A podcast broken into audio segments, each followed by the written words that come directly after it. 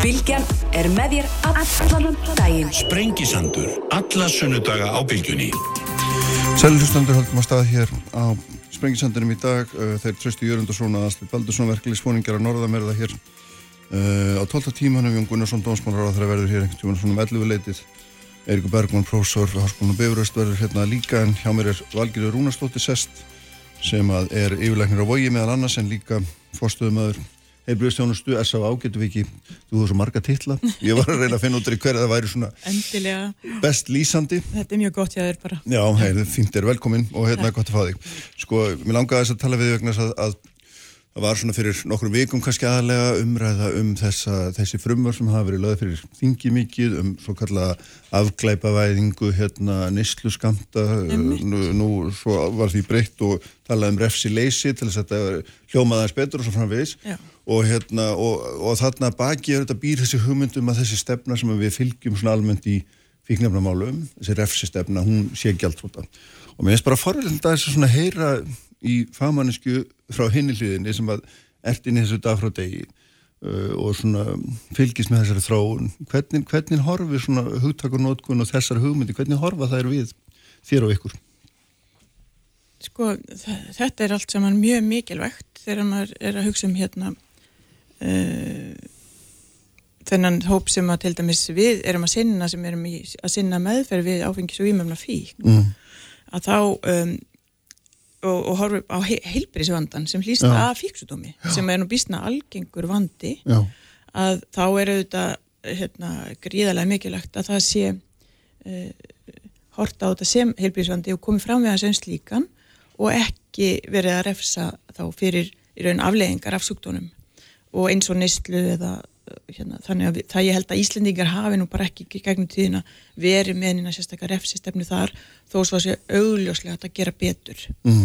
og, og hérna ekki, við ekki lítið á það að við hér heima höfum verið í einu stríði uh, gegn vímuefnum eða, eða slíkt uh, heldur þessi þetta, dr- war on drugs kemur og maður þekkir þetta hugtak bara frá Já. kannski bandaríkjunum Jú, jú. og þessar þjóðir sem þurfa virkilega að standa í stríði Já, þetta er alltaf frá tímanum upphallega í bandaríkjunum, Já, stóra yfirlýsing sko. sko. Já, og það sem að ég veit að þarna, stórir eh, framleiðsla og innflutningur er er hérna er uh, mikið vandamál Já. og krefst öruglega einhvers konar næstu því stríðs átaka til að eiga við það eru miklu glæpir í kringum allt slíkt.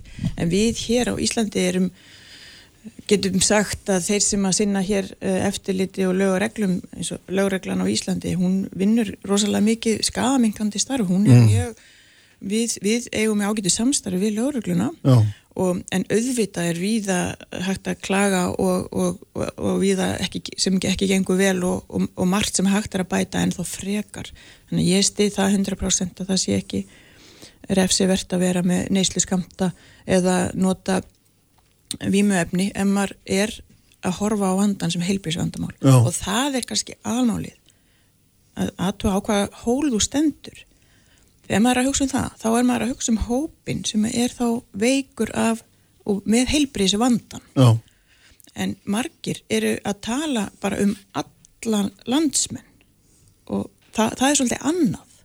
Þannig að við erum annars við erum að taka ákvörðunum eða stöndum við á hólunum og erum að tala um all, uh, neyslu allra á öllum vímöfnum eða erum að tala um neyslu þeirra sem eru veikir af fíksúdómi og hvernig við komum fram við þá Mhm. þannig að, að því þetta er alveg grundalega hérna atriði sem þarf að greina á milli vegna þess að forvarnir þær snúa að öllum og, og, og reyna að fyrirbyggja fólk hefji neyslu og vímöfnum að því að í grunninn vitum við að fíknefn og vímöfnum eru auðvitað skadalega heilsunni og þetta er mikið líðheilsumál mál, eins og bara minga tóbaksneyslu Já. okkur tekist vel til og uh, hafa áfengisneyslu uh, líka innan þeirra marka sem að hérna mögulegt er vegna þess bara við þekkjum áhrifin á fóstur og, og bara slís og tíðni og gefið ekki hvað og hvað en þetta, þetta eru efni sem við viljum hérna uh, sem eru hluti af líðhilsu málum að minka og þannig að þetta fyrir marga verður þetta svolítið erfið biti að kingja hérna, er að vera að tala um afglapavæðingu, Já, lögleik já, og já, já. öll þessi hugtök víðan völl. Og fólk er ekki alltaf að tala um sama hlutin Nei, og við erum kannski svolítið mikið inn í sjálfi þannig að þannig að stundum finnst mér erfitt að hlusta á þessa umræðu og ég heyri bara fólk er ekki að tala um sama hlutin Já. en hérna en varðandi uh, þessa mannúð og bara skilning á heilbrísvandanum þá er þetta eðlilegt að það sé ekki refsing fyrir neysluna hjá þeim sem hafa fíksútum eða þá sem hafa vandan þannig að það er nú eiginlega en þetta verður strax erfitt að alhafa þetta yfir alla landsmenn og alla sem mögulega getur verið að byrja að nota fíknefni. já, nákvæmlega. Þetta er ekki innfalt í framkvæmt, sko. Nei og líka svona sko þessi hugmynd sem það er kannski svona í að, að hérna það að uh, gera einhvern hlut að þessu refslausan þýði allt sé stjórnlaust opið og frjálst og hérna fólk með bara reynja eins og á þess að við skiptum okkur að því að hún alltaf er einhvern veginn á bakvið og Já. þeir sem eru mikið, mikið á móti þessu og kannski hafa einhverja reynslaði að slæma einhverjum aðstandum eða slíkt, þeir eru þetta forherðast við Um, eðlilega við hérna þessar hugmyndir getur maður ímyndið sér verð, þetta er svolítið erfitt að vera með sveigarleikan og það er, skiptir öllu máli að vera sveiganlegur og reyna að hérna, skilja báðar og allar hliðar þegar að vera að fjalla með sér mál og getur ekki verið einstrengingslegt. En, en finnst þér sko svona, eða ég veit ekki hvort það er kjánulegt að segja þetta, en, en, verðum við alltaf bara sætt okkur við fíknumna neslu, af því að og bara leifin að flæða og hérna og reyna að vinna út úr því eða, eða Sko hún er náttúrulega hérna, því að hún er alltaf og- aukist, já, já Að og svo er hún það einu dræðinum, já, já. Nei, í, að mestu leiti sko, Já, að því við erum með stærstu hérna, eh, stærsta vandan af áfengisfíkn og áfengisneistlu líka og hérna það er nú eh, stærsta vandamóli og síðan lifin uh, bæði þessir ópjóðar umrættu og uh, róandi lif og róandi lif þetta er, og nikotínið svo við höfum auðvitað þetta er, við höfum ekkit, okkur hefur sérstaklega gengið vel hérna að minka það Nei. með að við hérna þó þau séu lögleg þannig að við, það, að lögleg eitthvað þýðir ekki endilega að við náum einhver betri- tökum á því Nei, en hins vegar það að refsa Afsakið. Að refsa ekki fólki uh, sem er veikt fyrir neyslu, það, það er bara held ég eitthvað sem er bara almennt ekkit stunda á Íslandi. Og við höfum um, það var, uh, að því það var uh, svo nefnd sem var að skoða einmitt þess að hérna neyslu skamta, hvað væri raun og veru neyslu skamtar og var að fara já, að finna út úr þessu fyrir í kringu þessi lög. Og, og það var gerð svona lítil könnun hjá okkur meðal fólk sem að er að nota að staðaldri ólölu vímöfni og, og þá kemur í ljós að langflestir höfðu nú löglan hafði haft einhver afskipti en fæstum tilvikum höfðu þeir til dæmis upp, tekið, tekið vímöfni af þeim Mm. og í fleiri tilvikum ekki tekið þau í raun og, og hérna og þessir einstaklingar um, höfðu sjálfur ekki áhuga á því að það er því lögleit fleiri vímöfni en voru algjörlega á því að það er því samt eh, ekki refsivert að, að vera með neyslu skamta og flestir eru með mjög- litla skamta á sér og ekki fyrir langa tíma sko. mm. ekki hérna tíu dag eins og stendur í þessu frumvarpi það er miklu stýttri tími en þetta, þetta er mjög flókið í framkvæmd hvernig á að, að hérna að, að setja þetta fram. Ég skrifaði nú reyndar umsögn sem er sjálfsagt öllum opinn hérna inni en um þetta að en, en ég held að skipti mjög miklu máli að, að, að koma fram við þá sem að hafa uh, þetta heilbriðis vandamál sem fíksútumurinn er af virðingu og, uh, og umbyrlindi og bara mannúð og, og það er ekki refsing til að setja fólk í fangilsi fyrir sem ég heldur reyndar að sé bara mjög lítið Já, gert hvað sem já, er hér. já. En fer það saman að vera með ólulegt efni og svo þessar nálgun sem þú ert að nefna? Fer það saman að því að, að hérna, all, all keðjan er í grunninn ólögleg bara fram að þessum síðasta að, ég skil ekki alveg átt við. Nei, það sem ég segja er það að, að sko, hérna, þú veist, þú ert með efni sem er framleitt með ólulegum hætti, Já. dreift með ólulegum hætti, selt með ólulegum hætti og raunum verið neitt með ólulegum hætti líka Já. því þetta er allt bannað, skilur Já. en samt ætlar einhvern veginn að taka út fyrir striga og segja, svega og segja, hérna, loka áfangin er Já, það sé ekki refsivert að hafa notað já, efnið. sem er, sem er öllum grunni, þú veist, En allt í því er já. ólulegt, sko. eftir sem áður er efnið ólöglegt. Það er bara eins og Já. í Portugal, það Já. er líka, en öll vímöfnin, það er ennþá ólögleg. En það er hérna, þannig að það breyti því ekki, sko, það sé, en, en sko, þessi afglapavæðing og lögleiðing og, og mm. veist, þetta er mjög mismunandi eftir hvernig, hef, fólku, hvernig þetta hefur verið gert mismunandi fylgjum bandaríkjana og, Já, og já. löndum Evrópu og fleiri og það er hvergi eiginlega eins alveg sko en það verður líka átt að segja á því að það er alveg rosalegur markaðar hann bak við. Þess að þetta er peninga spursmál líka og selja Já, efnin og, og hérna, þetta verður mjög flókið, þetta er auðvitað bara, bara pólitíst mál, hvaða ákvarðan eru tekni varðandi, varðandi þessi, þessi hérna vímöfni, hvað er löglegt og hvað er ólöglegt. Það sem er svolítið flókið við til dæmis kannabisi það er veist, að ákveða skamta og, og hérna því þetta er já, þetta er ekki eins og líf eða áfengi sem við getum allt bara prósendunar en allavega, en það er bara, ön, það er bara önnur ella eins og sagt er. En, en í heldina þá held ég að nálgunin hér á Íslandi, hún hefur bara lengi verið svo að við horfum á, á þá sem eru með vanda, mikinn vanda af áfengis og vímefna neyslu og eru þá með fíksúdóm að við nálgumst þann hérna á Íslandi sem heilbrísvandamál, við höfum gert lengi Já. og S.A.A. eru klátt þá mjög mikið hlut af, í því En, bara að það skildi verið heyrir nú tekið það samt skref. oft sagt að það verða hægt að líta á hérna uh, fíknum og neslu sem lögreglumál og fara að líta á hann sem helbrísmál en þú ert raun að vera að segja mér að það sé að að stórum hluta löngu komið Já, við algjörlega, en það er ekki komið alla leið, það er, en eins og ég segi, það er má en þá gera betur, en við erum bara á allt öru stað heldur en bara langflesta þjóðumar heyrir í kollegum þegar maður fyrir á ráðstöfum til dæmis Erlendis, hvernig staðan er bara allt öðruvísi í mörgu löndum, þar sem maður er bara, kannski kemst ekki á bráðmóttöku, það bara löglan sem tekur á móti þér og svo framvegis, þannig að við erum með betra, betra viðhorf og mannúleira hér, engin spurning. En eins og ég segi, þá, þá á ekki þar með að hætta að berjast fyrir því að það verði enn betra. Nei, nei. En samt eftir að segja mér svona, mér svo stu, öðrum þræði að þessar skotgræður sem að myndast um þetta séu ekki byggðar á raunveruleikanum heldur einhverju svona ímyndari hugmyndafræði. Það er að segja að við séum launum verið komin miklu lengra með þetta inn í helbriðskerfi heldur en ofta er látið í veðri vaka. Já, við erum auðvitað, bara við sjáum bara þarna þessa starfsemi sem er hjá S.A.A. og búin að vera í 45 ár að þá erum við að fyrst og fremst að sinna þessum vanda bara sem heilbriðsvandamáli og sinnum honum á öllum stigum með veist, nefn inngripi og með meðferð og með skadamingun og, og allt, allt það sem þarf að koma að því. Og það þarf miklu meira til að því þessi vandi er mjög algengur. Hann er kannski 10-15% er í raun og veru með fíksútum og ennþá fleiri með einhverja minni einingar á þessari fíknu röskun þannig að þetta, er, þetta eru hérna viðhorfin hérna á Íslandi eru þannig og með einhvern sem er á í vanda að þá ráðleikur honum að gera eitthvað í því það, ekki, það, það er viðhorfið. En, það er, en við, við þurfum að vanda okkur til þess að missa ekki þetta niður og, og, og að fordómanni fari að poppa upp og verða meira ábyrrandi sko. það er mjög mikilvægt að passa að þetta sé inn í bara þessari almennu heilbríðstjónustu og það geti allir tekist á viðan þennan vanda En er, er, er hérna, uh, sko, er það ekki samt þannig að fólk sem er í þessu er mjög svona jaðarsett eins og kallað er og á erfitt með að sækja sér almenna heilbríðsjónustu, er, er það ekki, ekki staðnenda heilbríðskerfi hefur í grunn ekkert svona ofsalega mikið áhuga á þessu fólki? sko, eh, fólk með fíksútum hefur aðganga öll heilbríðskerfinu allstaðar Og, og er- auðveldan heldur eða hvað? en það er, á, það er ákveðin hópur sem er veikastur sem, að, sem er kannski búið að vera mjög mikið umræðinu síðustu misserin sem er bara mjög gott vegna þess að það þarf oft sérstaklega áherslu á hluti til þess að byrja breytingar.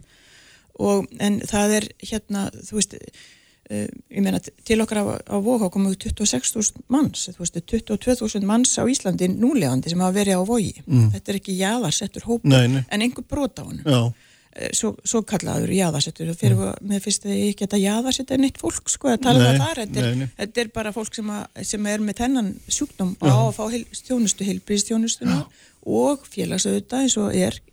Og hérna þannig að velferð, þetta er velferðarkerfi sem á að taka móti þeim. Og þannig að þetta eru hérna uh, lítið brot kannski sem að uh, sem að þarf í raun og veru meiri þjónustu heldur en þetta venjulega kerfi getur bóðið. Það er raunverulega frekar það. Þú veist, að hafa, það er engin útlokaður frá heilbríðstjónustunni þegar kannski sækja sér það ekki mm. og þurfa að það er svona að ná í það meira. Það er það sem er verið að gera líka með þessum uh, úrræðin sem hafa komið upp núna í, síðustu misserinn sem er bara mjög jákvætt og, en þetta er ekki stór hópur með við heldina Nei. af þeim sem eru með Þannig vanda að það vísa af kannski frú Ragnhiði eða... til dæmis, já, frú Ragnhiði og, og Reykjavíkuborg hefur synd mjög mikið hérna, fólki sem er verst á sig komið vegna aflegginga af neyslu og, og hérna, fíksúdómi og staðið sér vel til í ú- hú- úrræðum varandi húsnæði og, mikið breyting á því, við sjáum það mjög vel. Mhm. En þannig að svona, eh, sko, þessi, þessi hugmynd sem að, ég veit ekki, byrtist hún ekki hérna einhvern tíðan fyrir aldamóti því að fíknefna löst Ísland árið 1997 eða hvað nú var, hérna voru myndir af grimmu fólki upp á veggjum manni í, hérna, sem að horfðu á mann hérna, þrúandi augnaráðum það að við ættum að útrýma þessu og svo framins þetta hefur þetta mistekist herfilega og, og hérna þetta stríð við þennan heim hefur þetta út um allan heim sko bara farið alveg þver og átt í raun og veru er það ekki? Já, Ég algjörlega. er, hvað finnst þér svona almennt talað um, Þetta er um þetta, þess, þessa stefnu? Er hún gerðsannlega gengið sér til húðar eða hvernig Ég, myndir þú sko, svona ég veit ekki hvað hann byrjar í raun og veru að halda að eitthvað geti bara horfið eða veist, eins og við getum verið tóbakslaus eða, eða áfengislaus það er bara, þetta er bara einhverju gamlar eldgamlar eins og þú nefnir sko, þetta hinnu öldinni. Einhverja svona sín eða stefna eða verið í stríði sko, þetta er svona mjög svona agressíft og öfgafullt eitthvað sem að við hljótum alltaf að reyna að verða að finna lausn eitthvað staðar hann á milli því þetta, er, þetta getur raunhæft sko. Það er hvoruðar öfgarnar eitthvað staðar þurfum við að finna góðan milliveg til þess að hérna, til þess að passa það að sinna þeim sem þurfa innan mm. heilbríðiskerfisins og vernda hína sem, sem að við viljum vernda þar að segja að reyna að koma í veg fyrir að, að fólk hérna ánýtist vímöfnum og fíknefnum því það eru auðvitað greiðlega mikill skaði af því fyrir einstaklingi, fyrir samfélagið mm. atvinnulífið, fjölskyldurnar við, við vitum það þannig að það er alltaf ágóði í því að minka neysluna og komi veg fyrir að, að, hérna, að fólk ánýttist eða fólk hérna, noti það mikið að verði skadilegt, það er bara alltaf ágóði á því og það er forvarnirnar sem koma þar inn í. Við erum náttúrulega orðin heimsfræ á Íslandi langt út fyrir landsteinan, þetta íslenska mótel í, í forvörnum hinga kemur fólk til að læra af okkur og, og hérna ég kann nú minnst að segja frá því en, en, þetta, og, og innlega það í öðrum löndum, mjög jákvætt. Og við sjáum alveg endurspeglast þessa min, þessi minni neyslu ungmenna. Það endurspeglast einmitt í innlögnum til okkar að það hefur dreigið bara statt og stöðut frá árunni 2000, það hefur dreigið stöðut úr þörf á meðferð við áfengis og vímefnafík fyrir 25 ári yngri. Bara statt og stöðut og er ennþá alltaf minna og minna ár frá ári. Og mjög, mjög jákvætt. Við sjáum þetta líka í hérna í uh, tópaksvörnunum hvernig þegar að yfirvel tóku þetta að sér að hefta aðgengi með, með öllum þessum leiðum og, það, og, og breytist viðhorfi á sama tíma. Hér maður eh, bara glápir inn í bíl ef einhverju að reykja með batni bíl ekki, ekki, Jú, en þú sér þetta út um allt í Evrópu sko. Er, við erum komin mjög langt þar sko, með viðhorfið. Og einni, einni, þannig að viðhorfið gagvart vímuefnum, áfengi, fíknuefnum, það skiptir alveg gríðarlega miklu máli varðandi svona almenna neyslu. Og, og þar er, er forvarnaþátturinn, þannig að við þurfum að passa að viðhorfið sé hérna þannig að það sé vendandi fyrir unga og fyrir, fyrir þá sem eru að hérna hugsanlega byrja. Það er, það er svona verkefnið sko. Og, og svo þurfum við að hafa öflugt tilbrískeru sem tekur á móti þegar það þarf aðstóð, þegar það þarf að grípa inn í, bæði snemmingrip, skadamingandi ingrip, meðferð til bata eða hvað það er sem við erum að gera. En er ekki einmitt nákvæmlega þarna algjör líkill að svona því að öll þessi hugtök sem við erum að ræða afgleipavæðing og refsileysi og, lögleðing og hvað þetta heitir allt saman Mhm. því nær sem við færum því marki að heilbríðskerfi verður þá alltaf að verða sterkar og sterkara til þess að vera við getum þá hérna, tekið afleðingunum því einhverja hljóta þeir að vera eða hvað? Akkurat, jú, og gegnum tíðina þá hefur kannski heilbríðiskerfi í flestum löndum og líka hér verið aðalega að sinna afleggingum, skiljur, skorpulif og, og síkingar út á sprautum, allt þetta hérna og við þurfum að gera það, það er náttúrulega- en, það, en hitt er auðvitað ennþá mikilvægur að grípa að snemma inn í ferlið á þróun á fíkni röskun sem að geta orðið fíksúkdómi líka og tekja það bara strax í byrjun og það, þannig að um, svona til dæmis afglæðum eða sérst ef við fyrir að gera refsi minna eða refsi löst hérna samkvæmt lögum svona neyslu þá er raun og verið tækifæri þar til þess að grípa inn í ef, snemma mm -hmm. því að það það er hægt að koma, sagt, uh, koma fyrir til aðstóðar ef, að, ef að um næslega ræða einhverju sem er að fara á stað. Þannig að við, við þurfum þá að hafa kerfið sig grýpur og getur, getur sagt, komið inn með snemminn grýp og, og þá aðstóð sem þarf á að halda. En ég bara vil ítrykka það að, að það skipti máli að þeir sem er að tala um þetta og er að hugsa um þetta sem mannúðarmál í raun að, að það sé þá samhliða að það átti sig á því að þá er að tala um í raun og veru verkefni heilbríðiskerfisins og það var að passa eins og þú segir að það sé svigurum og tækifæri til þess að gera það eins og þarf að gera. Mm. og hitt eru forvarnir og það er annað mál. Já, en hvað með svona út frá þínum bæðir um sko þessar, þessar hugmyndur um að um að færa, hvað maður að segja frambóðið inn í ofinbæra dreifilegir gegnum apotek eða hvernig svo sem það er til þess að einhvern veginn að reynsa upp skítinn úr öfnum og, og hérna líka bara gera þeim sem veikir eru einfalt fyrir að þeir þurfa ekki að brjóta af sér og já, já. svo leist til þess að ná þetta, menn finnst þér það að vera, er það eitthvað sem þú mútur segja að veri Ég sko það er hérna hefur, hefur alveg verið gert eins og til dæmis með heroin í útlöndum sko. Já. að hérna það sem að það er skaffað fólki en það er, það er svona, er svona lokasti og lunguferli í aðstóð og, og hérna þannig að það sé verið að passa upp á fólk ef það er ennþá í neistlu og, og, og er þar áfram fyrir sér að það sé passað upp að það verði fyrir sér minnstu skafa með þessu leiti, þessu leiti og það er, krefst náttúrulega mikillar umgerðar og svo líst þetta er ekki eitthvað sem bara opið hvernig sem er. en, en auðvitað er, svo, allt svona er, er náttúrulega mjög dýrt en auðvitað mjög mannulegt og hérna um, og við getum alltaf skref, stíðið einhver skref í áttina að því.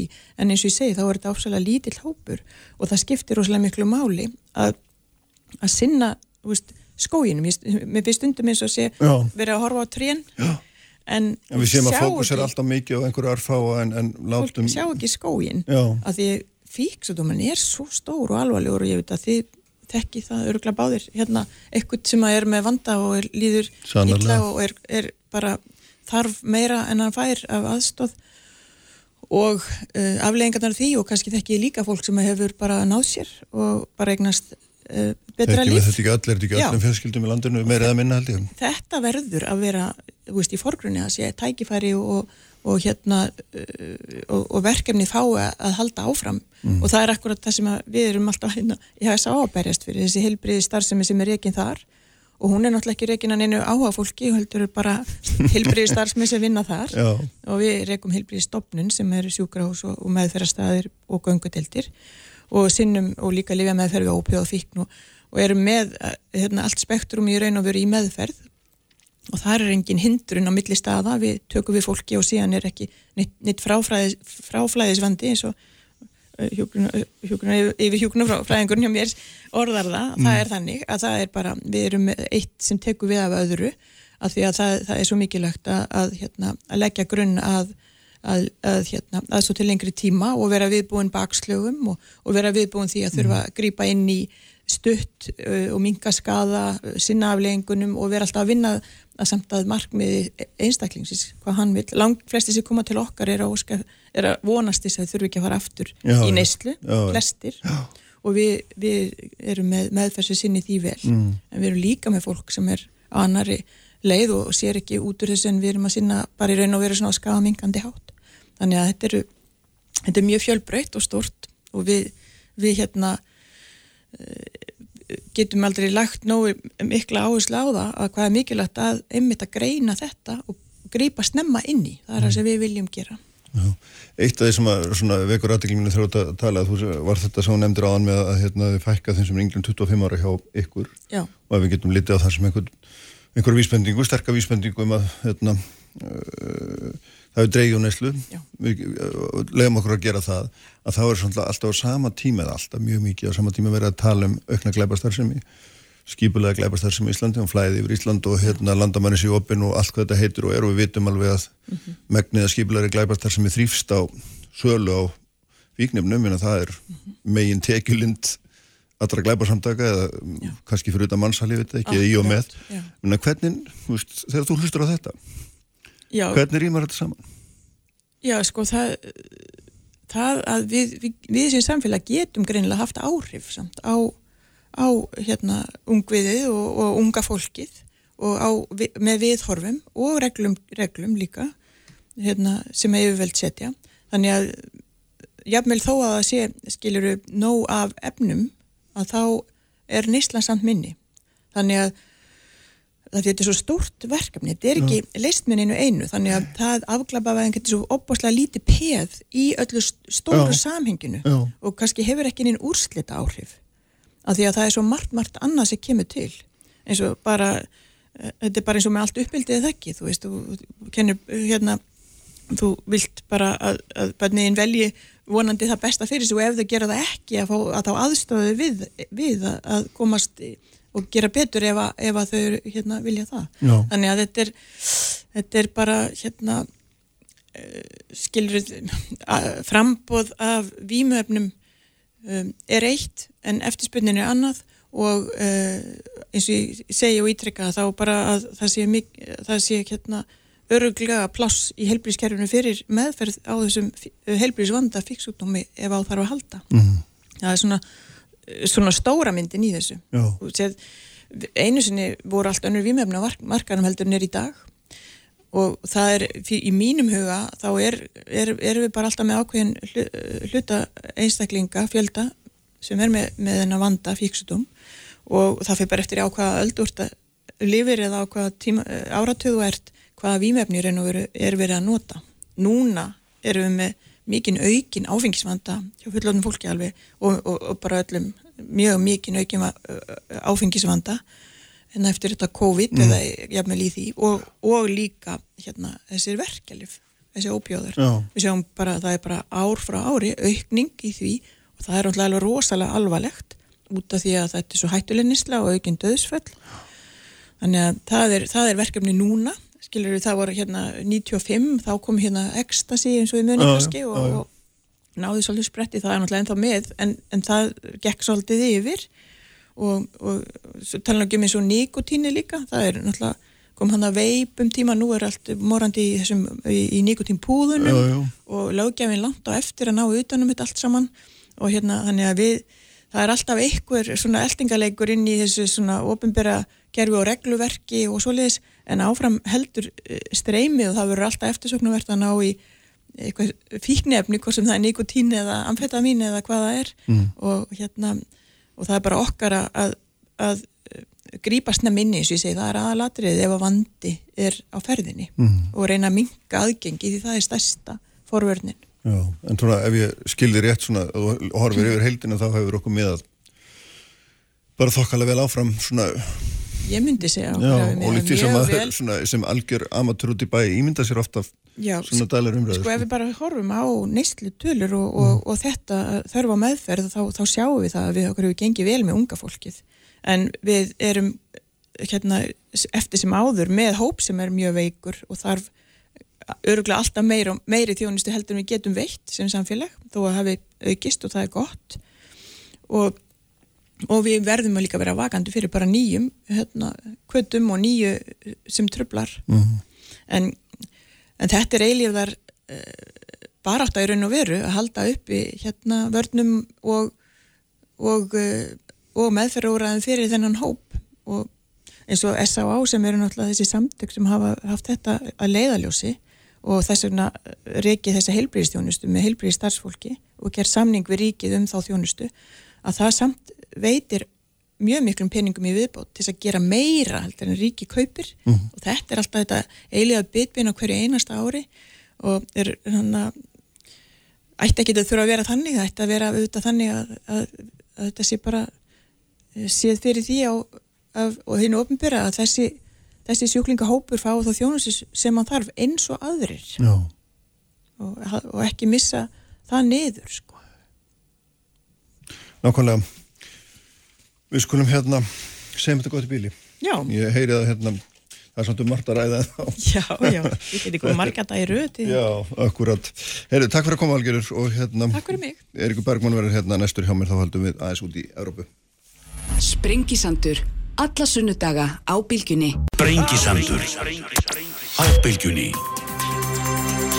Sælir aftur, höldum hér af stað aftur uh, Valgerur Nústóttir fann frá mér um, verða hér í lok þáttar Alsteit Baldursson og Trösti Jörgundarsson verklegsfóringjar að norðan ætlum við þetta ræða eftir mála þessa sögulega ASI Things sem að framfór í síðustu viku eða framfór ekki eiginlega. Uh, Jón Gunnarsson, dómsmálar áður að vera hérna eftir en sestur hjá mér Eirikur Bergmann, góða gestur Marksinnis auða, profesor við Háskólinni Björnust, sælblessaður, velkomin. Takk fyrir það. Sko við höfum náttúrulega settið hér saman oft og rætt um populism og þú er náttúrulega skrifað um þetta heilu bækunar Já. og nú svona það sem mest áhugavert núna er auðvitað fyrst og næst þessar sinniðist að ríkstjóðnamyndunar í Svíþjóð mm -hmm. uh, Ítalíu uh, og hérna svona það voru ákveðni tónar í þeirri bresku ríkstjón sem að nýjast tók við og við veitum svo mikið hversu lengi situr sérstaklega hjá innaríkisráðurinn og það, svo Elin Bravimann sem að hefur talað gríðarlega mikið um eitthvað sem hún kalla Brittisnes og, og hérna mm -hmm. lokalandamærum og bara opinskátt og það sem að kannski svona, ég veit ekki, við byrjum fyrir með einhverjum árum að tala um það hvernig hvernig svona þessi sjónami hefðu smám saman svona seiklað inn í meginströðsflumræðu og það er þetta sem við gest í Svíþjóði fyrir 10-15 árum það hefði þessi flokkur Svíþjóðdemokrater aldrei komið til tals sem sko hluti af stjórnaminstri Nei, nei, og það er náttúrulega stóra breytingin sem hefur orðið í, í Svíþjóð. Svíþjóð var það land sem að hjælt svona þessum þjóðinins populísku öflum svona lengst í burtu og lengst af í, uh, svona frá meginströmmnum og, og, og Svíþjóðdemokraterni voru ekki áletnir sko tækir í síðaða stjórnmála umræðu, hvað þá í formlegt uh, samstarf um, í ríkistjórn, en nú hefur það gerst að þeir eru svona komnir inn úr kuldanum og munu þá verja þessa nýju stjórn falli og það má kannski segja að Svítjóðademokrætandi séu komnir í svipaða stöðu og danski þjóðaflokkurinn var í árið 2001 uh, þegar að hann um, ver ríkistjórn Hannes Fó Rasmusson falli og yfir áratugin sem að fyldi á eftir þá innleiti Danmörk uh, sko hörðustu andinflytjenda stefnu Eh, sem að nokkur dríki í Vestur-Európu hefur innleitt og er í dag lokaðasta land Vestur-Európu kakvart uh,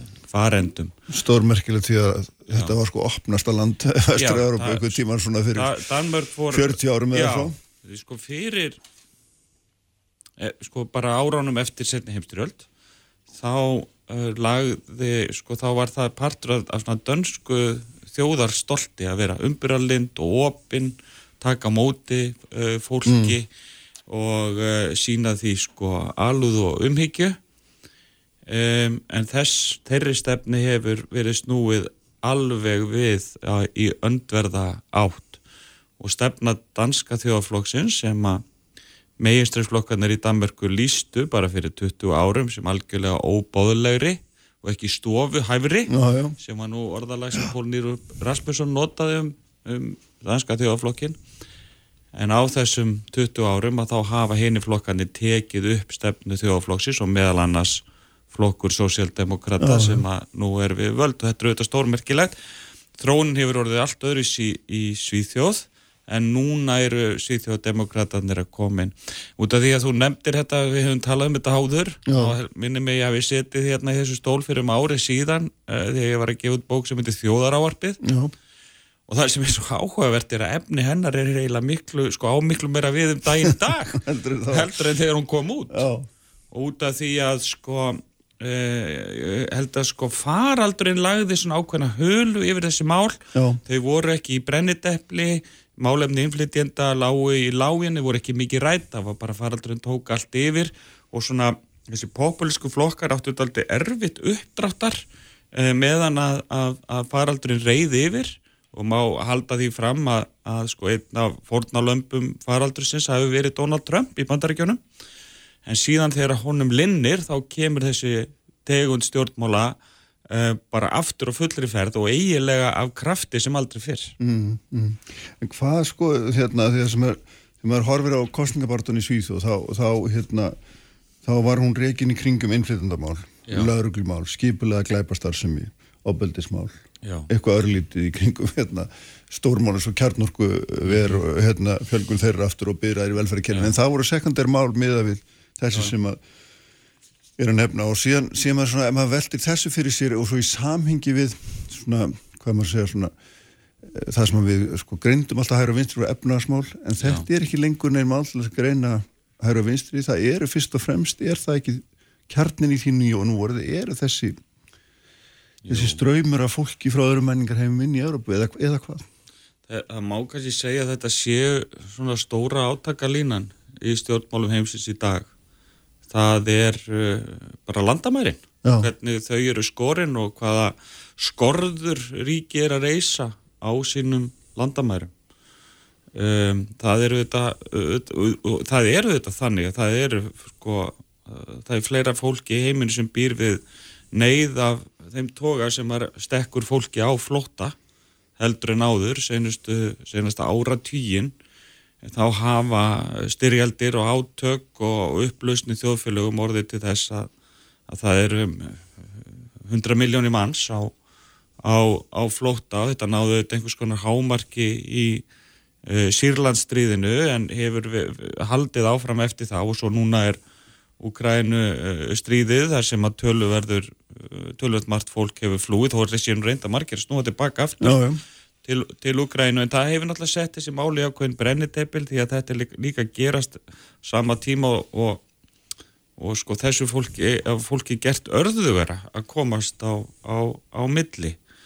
Og átökinn snúast á litið um þetta uh, sko hvað á að gera til þess að hjálpa fólki sem er á flóta ef þá nokkur Danmörk hefur svarað því fyrir sitt leiti að það eigi ekki að taka móti fólkinu. Um, meðan að Svíþjóð hefur verið að halda út í þessari opnu, opnu stefnu. En já, þetta eru átökin og, og menn tala oft sko þessi hugtökur er alltaf erfið um, ég hef nú notað hugtæki þjóðnispopulismi um þess að tegund stjórnmálað einhverju leiti þegar að menn svona gera innflytjendur að blóra böglum eiginlega alls sem að miður fyrir þjóðfélagi en svo talast undir um sumur um hægri aukastefnu að þá er sko hægrið í þeirri um, svona nafngift eh, ekki út frá efnahagstefnu Nei, ekki út frá þessu klassísku hægri Nei, heldur út frá hugmyndin um þjóðina verndun þjóðarina, verndun þessi innri hóps um, og uh, sem sagt að draga skýr um, merki milli landsvæða loka, útiloka fólk frá því að koma til landsins og svo, og svo framvegis. Þannig að það er hægrið í þessari þjóðernis íhaldsmerkingu sem að kemur bara á franska þinginu á sínu, á sínu tíma en, en ég skil vel að svona, efnahagslegum hægrimönnum svíði þessi Já, stimpil sem þeim sko. gerir mjög, mjög Já. greinilega sko. Já, og hérna, en sko það sem er svona líka, sko maður sér líka er að uh, bæði um fjöllunum um síðþóttdemokrátan og líka um, um þennan ítalska flokk sem að hvað um að kalla bræður Ítalíu. Bræðralag Ítalíu, Já, já. er ekki réttari þrýðing heldur en bræður Ítalíu. Já, að það er hérna, að það, það hefur líka þetta farið fram ákveðin svona þróun á síðustu 5-10 árum þar sem menn hafa verið að svona að, að hérna sníða helstu hotnin af stefni, laga sér betur að miðjunni, Já. Ítalar, ítalski flokkurinn hérna allt innan talar fyrir NATO að það gerði hann ekki áður uh, hættir að agnast út í Europasambandi og Evrun og svo framvís svona Já. einhvern veginn gera sig stjórntæka. En, Já, en þetta er stóra er sem, þróunin sem hefur orðið í þjóðatispopulismannum sem að var útskúfið hugmyndafræði Mm. hér eftir setni heimstyrjöld síðan hefur það gerst að í kjölfar krísa, efnaðastæra áfalla og stjórnmáleira áfalla að þá sko þá haf- hafa þessi sjónamið að færast lengra og lengra inn í meginströmmin og stóra breytingin er orðin svo að ummæli sem að, og afstafa sem að áður var talin sko, óbóðleg, uh, rasísk, hálffasísk, um, svona, uh, já, bara ekki tæk í, í síðari umræðu, er orðin almenn og viðtekinn og henni núna haldið úti af meginströmsöflum. En uh, munurinn er við þetta sá að sko þegar, þar sem að voru áskorandur áður sem að notuðu harkaleg ummæli um, og skoruðu kerfið að hólma af jæðri, þá hefur þessi stefna og afstafa verið þetta færði miklu mýgri búning þegar að meginströms uh, öll í stjórnmálunum taka upp sömu stefnu þá, þá lýsa þeir henni með öðrum hætti, faglegri hætti fágaðri hætti og lýsa oft sko öðrum markmiðum heldur en andúð á einhverjum sko utanaðkomandi hópi heldur fara þeir að fara menna að tala um sko innri samfélagsgerð og, og annars þess að þannig að flytja svona umræðuna mm. Og þar sem að þú veist ég hef verið að leggja þetta fyrir mér að, að, að, að sko kortleggja þessa þróun senustu 50 ár á, á Vesturlöndum að þá eru þetta mjög aðtiklisvert að bara horfa á þetta breytast uh, með tíð og tíma Já. og hvernig við sem þjóðfélag sko, breytum afstöð okkar og telljum í dag uh, viðtekið þar sem að við áð, okkur áður þótti algjörlega forbóðið. Já, já, nákvæmlega. Það sem er hérna, áður höldum aðeins áfram með þennan þráði, það er alltaf eitt líð þessu líka sem er sko, sem þú varst að nefna, það er, það er auðvitað svona, það er þessi milda ásýnd sem búin er Já. til, en samt er, er um þessi... já, já, nákvæmlega, en þetta fólk er ekki, þetta fólk, þessi flokkar er ekki kjörnir til þess að viðhalda óbreyttu ástandi, þeir eru enga síður kjörnir, Já, það er ekki já. alltaf til þess að með breytingar þó að þær sé búið eða eitthvað með svona klæða þær í Jú, jú. einhvern annan búningar eða hvernig myndi maður ekki tólka það þannig? Jú, sko, óttin er framkallaður uh, með svona fáaðri hætti. Það er alið á andúði garð uh, utanaðkomandi jaðarsettra uh, hópa með auðvitað fáaðri hætti. Þetta er ekki lengur svona einhverjir sko, snóðinkollar í ribnum mittisjökkum og hermannaklössum sem á sko, hérna, öskra einhver uh, ópum sko, yfirburði uh, hvíts kynstofns.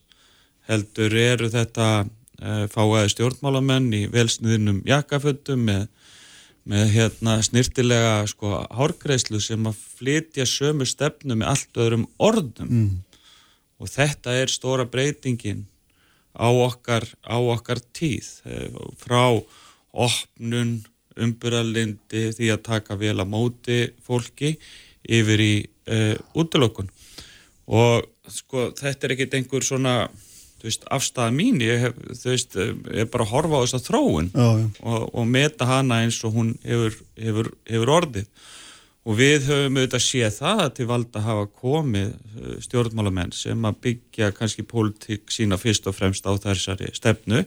Ég heldi fram að Pía Kerskorti í Danmarku, hún hafi aldrei sest í ráþærastól, að þá hafa hann verið áhrifamesti stjórnmálamæður Danmarkur á fyrsta áratu þessar, þessar aldar. Já, formáðu þjóðar flósins þar Það, auðvitað. já, og hérna núna er Sjórsja Meloni að setjast í, í fórsettsöðrastóð á, á Ítalíu. Þetta er Ítalía hefur alltaf verið svona gróðrastía fyrir populi stjórnmál sko. Silvio Berlusconi var allavega, ég hef nú kallað hann hálfpopulista því að hann var svona margt annað en bara það. Já, En, eh, og svona flokkar hafa, en það er dæmi um ríki sem að, sem að sko, meginstru stjórnmál eru nánast hrunin en það eru á viðum fleiri ríki þú bara, þú veist, þú fer til Fraklands þá er sko flokkakerfið stóru góminu flokkarnir bara þeir er eru svona bara horfnir, Já, sko.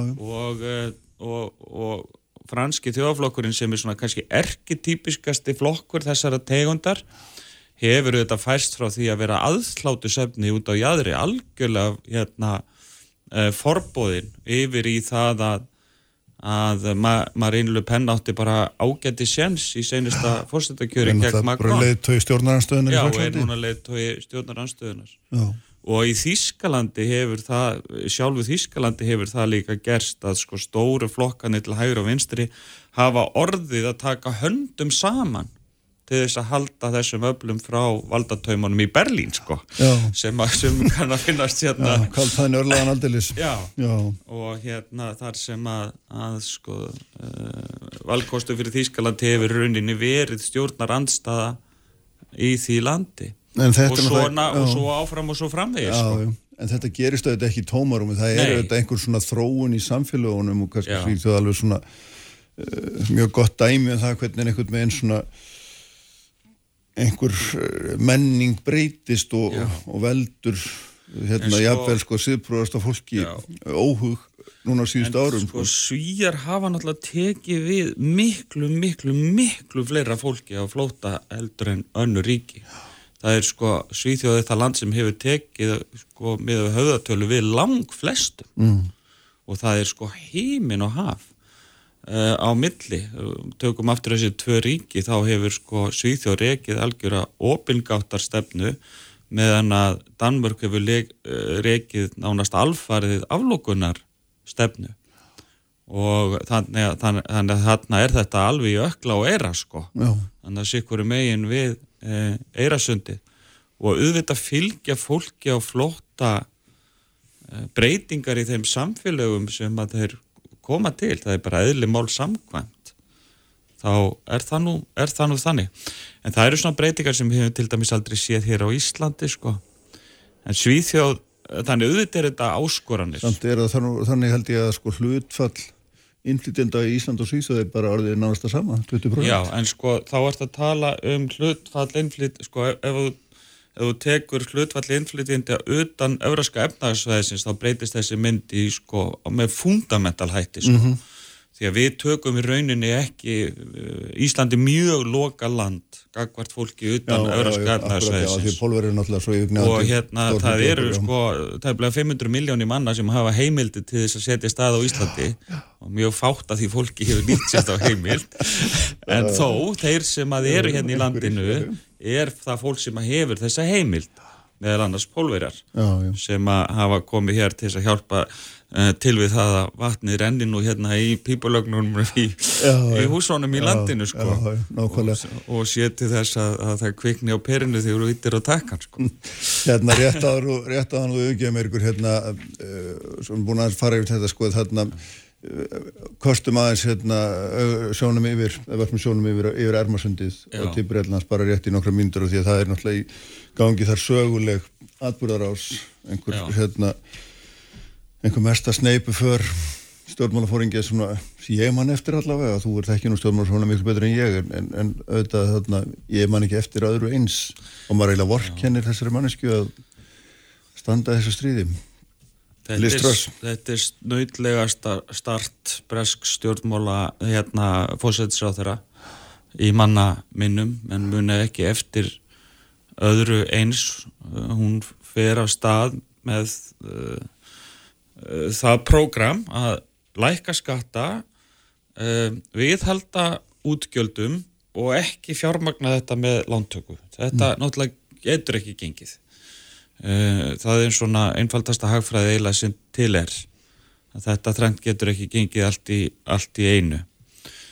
Og hún verður þetta og, og, markaðir bara fríkuð út og það er náttúrulega því að hún lýsir sér fyrst og fremst sem fylgjenda hens frjálsa markaðs og það er rauninni al, alþjóðlegur fjármálamarkaður sem að hafnar henni frekar heldur en nokkuð annað heima fyrir. Uh, pundið rinnur uh, álag á, á, hérna, á skuldabref ríkur uppur, uppur öllu, öllu valdi. Uh, að, sko, með þeim hætti að það láfið að lífeyrissjóskerfið í Breitlandi myndi bara rinja Mhm. Og uh, þannig að hún er gerð afturreka með þetta og hún bregður á það ráð að, að, að reka fjármálar á þeirra og, og setja í hans stól uh, Jeremy Hunt sem er svona bara klassískur íhalsmaður og þetta hefur svona róað ástandið en eiga síður sko, orðið til þess að hún hefur glata tiltrú heima fyrir Já, já. og með hraða sem við höfum bara ekki áður séð. Nei, nei. En er þetta ekki, ég veit ekki, kannski getur maður ekki alveg dreigið þráð á milli þeirra vandraða sem íhalsflokkurinn lendi í með Brexit uh, svona, til þeirri sem meði þegar hann var að flækast fram og tilbaka úr þingin og tapa hverju málun og fætur öðru og það var allt í upplausn einhvern veginn stjórnmálastéttin hrundi á þeim tíma og, og, og þetta er einhvern veginn svona bara ennþá í, í pípunum einhvert algjört upplausnar ástand ég sá einhver uh, kollegi minn í Breitlandi að segja að nú væri sko ítalst ástand komið á í, í bresku stjórnmálum þar sem allt er bara stöðut í upplöst Já, og það hefur þetta verið þannig frá uh, Brexit atkvað greislunni þá hefur verið uh, mikil svona hamagangur í öskjunni í bresku stjórnmálum og breytar hafa ekki alveg kunnað að fóta sig uh, í því ástandi sem hefur fyllt á eftir og hinn efnaðslegi kostnaður við útgönguna er að koma fram uh, núna. Og hann kemur ofan í almenna efnahagslæði kjölfarið á uh, COVID-faraldrinum. Að, og svo auðvitað magnast þetta allt upp með stríðun í Ukrænu og orkukreppinu sem hefur fyllt uh, því. Þannig að sko breytar reyðilega slegnir þrefald utanundir sko. Mm. Meðan að restina heiminum er bara að takast á við tvo kynhesta að þá eru breytar að takast á við þrjá. Og það er bara full mikið. Þannig að þetta geti orðið aldrei erfiður vettur í breskum öfnags stjórnmálum Já, ég held að sjá þetta hérna það er mest að stóða að slá því fastu að það er við erum ekki búin að sjá fyrir endan á þessari Nei. þessari atbyrðar ás Heyrðu, takk fyrir þetta ykkur, hérna fróðilegt að fara yfir þetta allt saman og Jón Gunnarsson dómsmálar á þar að verður hér á eftir. Það er nú kannski í sjálfu sér ekki óskild málefni sem við ætlum að ræða. Sprengisandur alla sunnudaga á bylgjunni. Ekki mikið áður og umræða kristall kristallast mikið í síðustu dag og vikur. Og mér langar aðeins bara svona að því að maður getur auðvitað alltaf farið að þvarga um einhver hvort að lögu að vera svona hins einn og hvort að ég að flytja þau og haustu eitthvað. En mér langar svolítið að fá bara grundvallar afstöðu hjá þér sem dónsmálur á þeirra eru landamennin okkar eins og þau eru núna finnst þér þau vera of opinn erum við í þeirri stöðu að það komi hinga of margir að þínum að hver, hver er eiginlega svona grundvallar afstæðan þín í þessum málum? Já, já, það er uh, mitt mat að hinga sér að koma í sjálfu sér ómargir vegna þess að uh, það bara sést á tölunum. Ég menna við erum með uh, hlutvalslega lang fjölmennast á hópin af öllum löndum. Ef við miðum výbúa fjölda og reyndar það kemur að ákvönum hópum frá ákvönum löndum að þá erum við að jáfnveil að skora miklu herra í hausafjölda heldur mm -hmm. til dæmis náttúrulega. Og það finnst þér vera bara ástund sem ekki eigi að vera eins og þeir? Nei, ég menna ég held bara að við ráðum ekki við það. Það er mm -hmm. sko uh, einfalt. Ég, fyrir svona mánuði síðan þá fengum við spá fara útlendingastofnun um það hvað kemur margi flótamenninga á þessu ári og miðgildið í þeirri spá var um 4.000 manns. Uh, hágildið var 4.500. Nú fengum við spá á förstu daginn. Þar er uh, þetta orðið 5.000 manns það búið að bætast við siglufjörður á mánuði og, eh, og hérna hágildi 5500 þannig að eh, ég veit ekki hvað spáum verður eftir mánuð sko. Mm. en þróunin er svo ég menna haustið hefur gætna verið svona eins og ég kallaði uppskeru tími á þessum vettvangi að hefur alltaf komið mest af fólki hingað á haustin. Og við erum hér með segla sem við kallum, það er að segja í lögjöfun okkar eru þannig atriði sem að eru öðruvísi heldur en hjá öðrum löndum að hlutfalslega er að koma miklu meira fólki til okkar og það sem er mitt markmið með þessum lagabreitingum og þeim aðgerðum sem við reynum að grýpa til að það er að setja okkur svona nær því að vera bara á sama stað og Norðurlöndin og önnu löndu Evróp. Mm.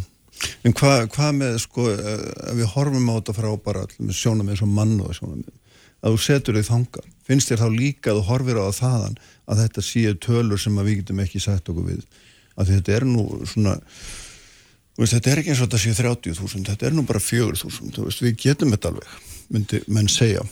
Já, einhverju segja það sko en uh, já, auðvitað sko við höfum ákveðna skuldbyttingar á alþjóða vettvangi mm. og í þeirri það lagabreitingum sem eru til frumarfi sem að ég kem fram með er ekki verið að er við að sinna þeim skildum okkar. Og við erum í raun, er það mitt sjóna með að við þurfum með þetta að slá sko skjaldborg um vendakerfið. Samningur saminuð þjóðana um vend fyrir flótamenn er sennilega, er, og er að mínum mati einhver merkilegasti samningur sem að saminuð þjóðanar hafa náð, einhver fallegasti samningur sem að saminuð þjóðanar hafa náð sér saman um og uh, það er hann sem að ég vil leggja til grundvallar.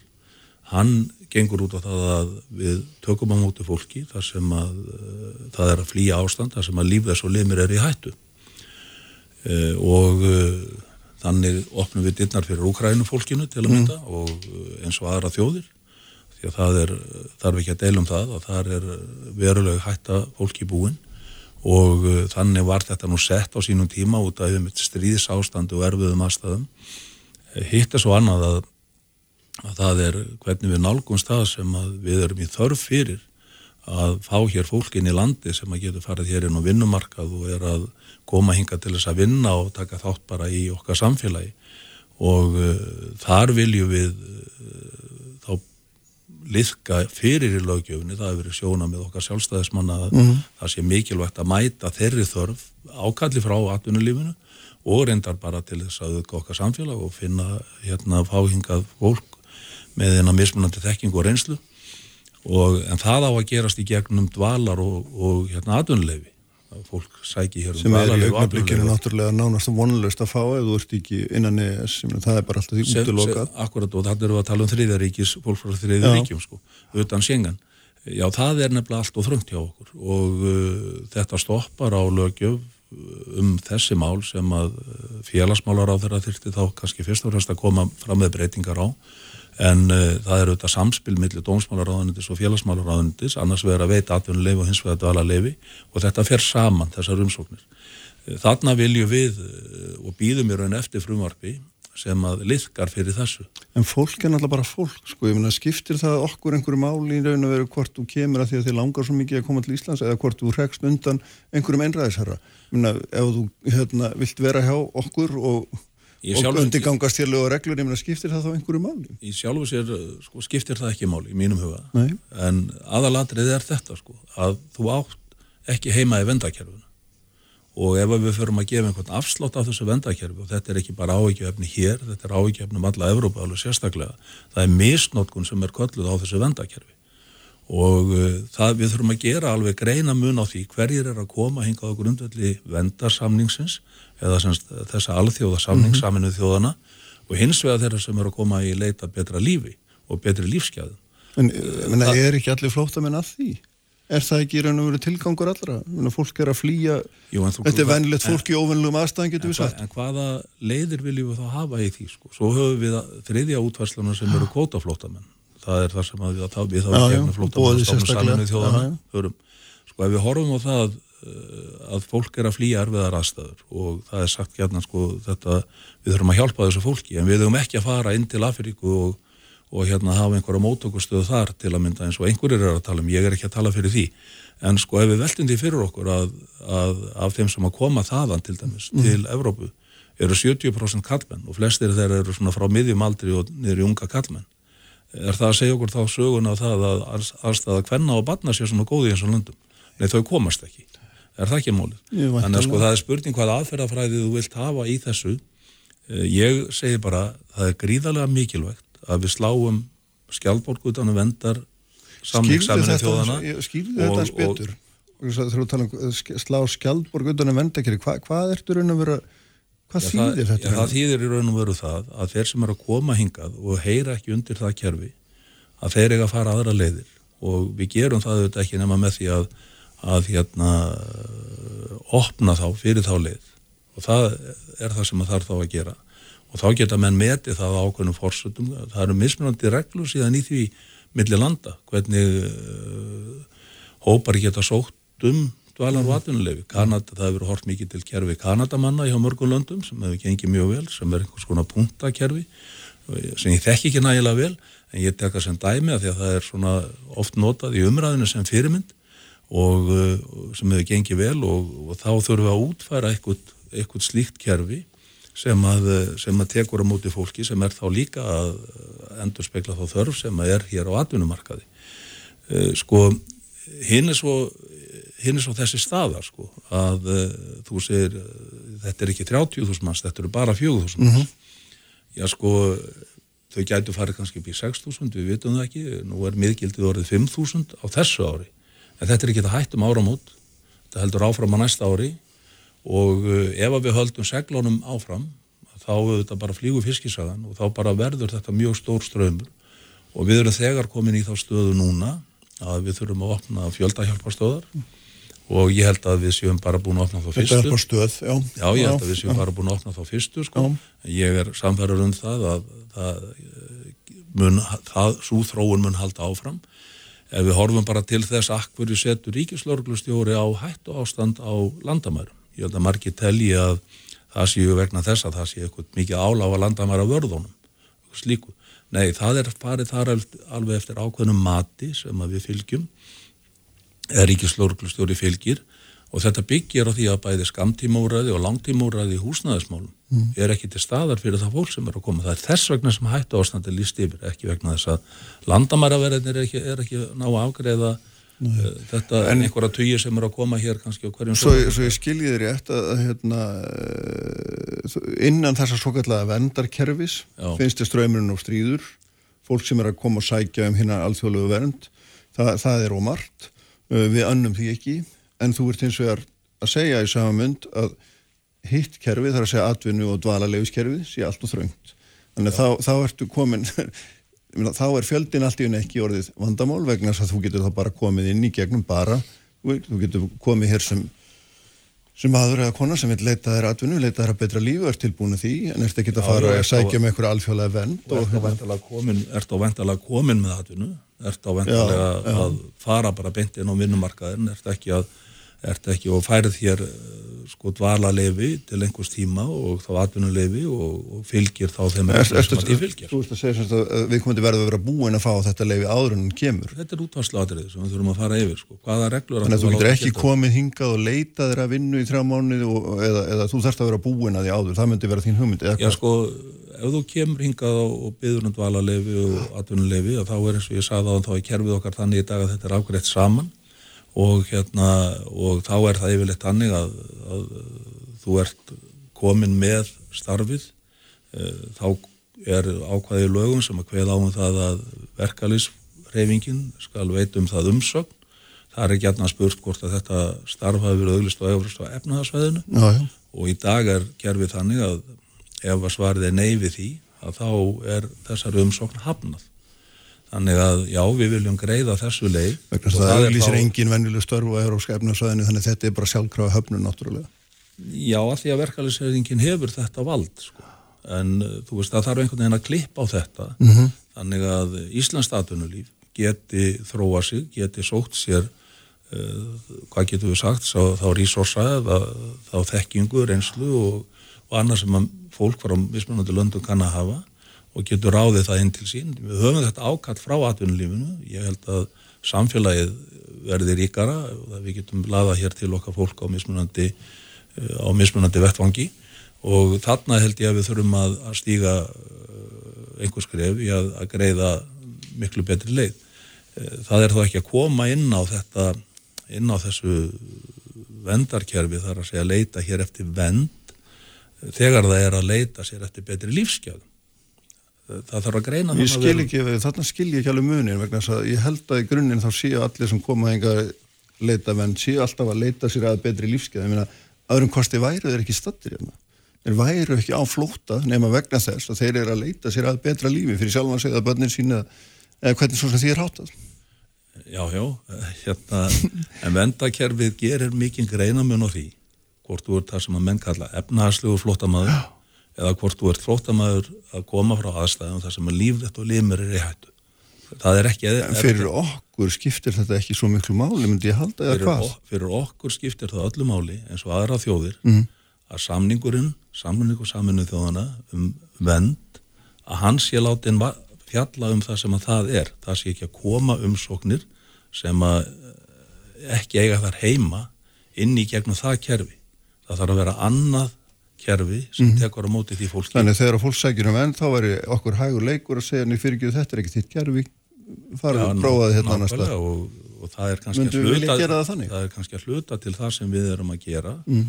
uh, þegar að við segjum að þú ert komið vend í öðru landi að það áttu að vera þar en ekki á Íslandi. Og þetta ekki að koma uh, það er ekki gert ráðferðið og sérst að sækjum vend í, í hérna tveimur löndum. Mm. og áttu að sækjum vend í því landi sem þú kemur fyrst til og, uh, og hérna uh, og svo er það þá annað kerfi sem að fjalla um það þegar að fólk vil leita sér að atvinnu og er það sem að kalla þeirra í svona almennt uh, efnahagslegir flótamenn.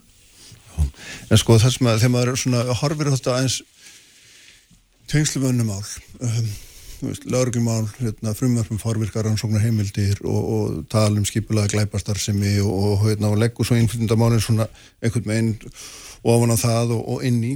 Að það fær maður upp einhverja mynd af svona uh, hérna uh, því að það sé verið að ala óta það sé verið að ala sundrungu og, hérna og þetta er bara ástand sem að þú sérð alveg jafnvel og ég út í alla Európu hefur verið viðvarandi í, í mörg mörg ár.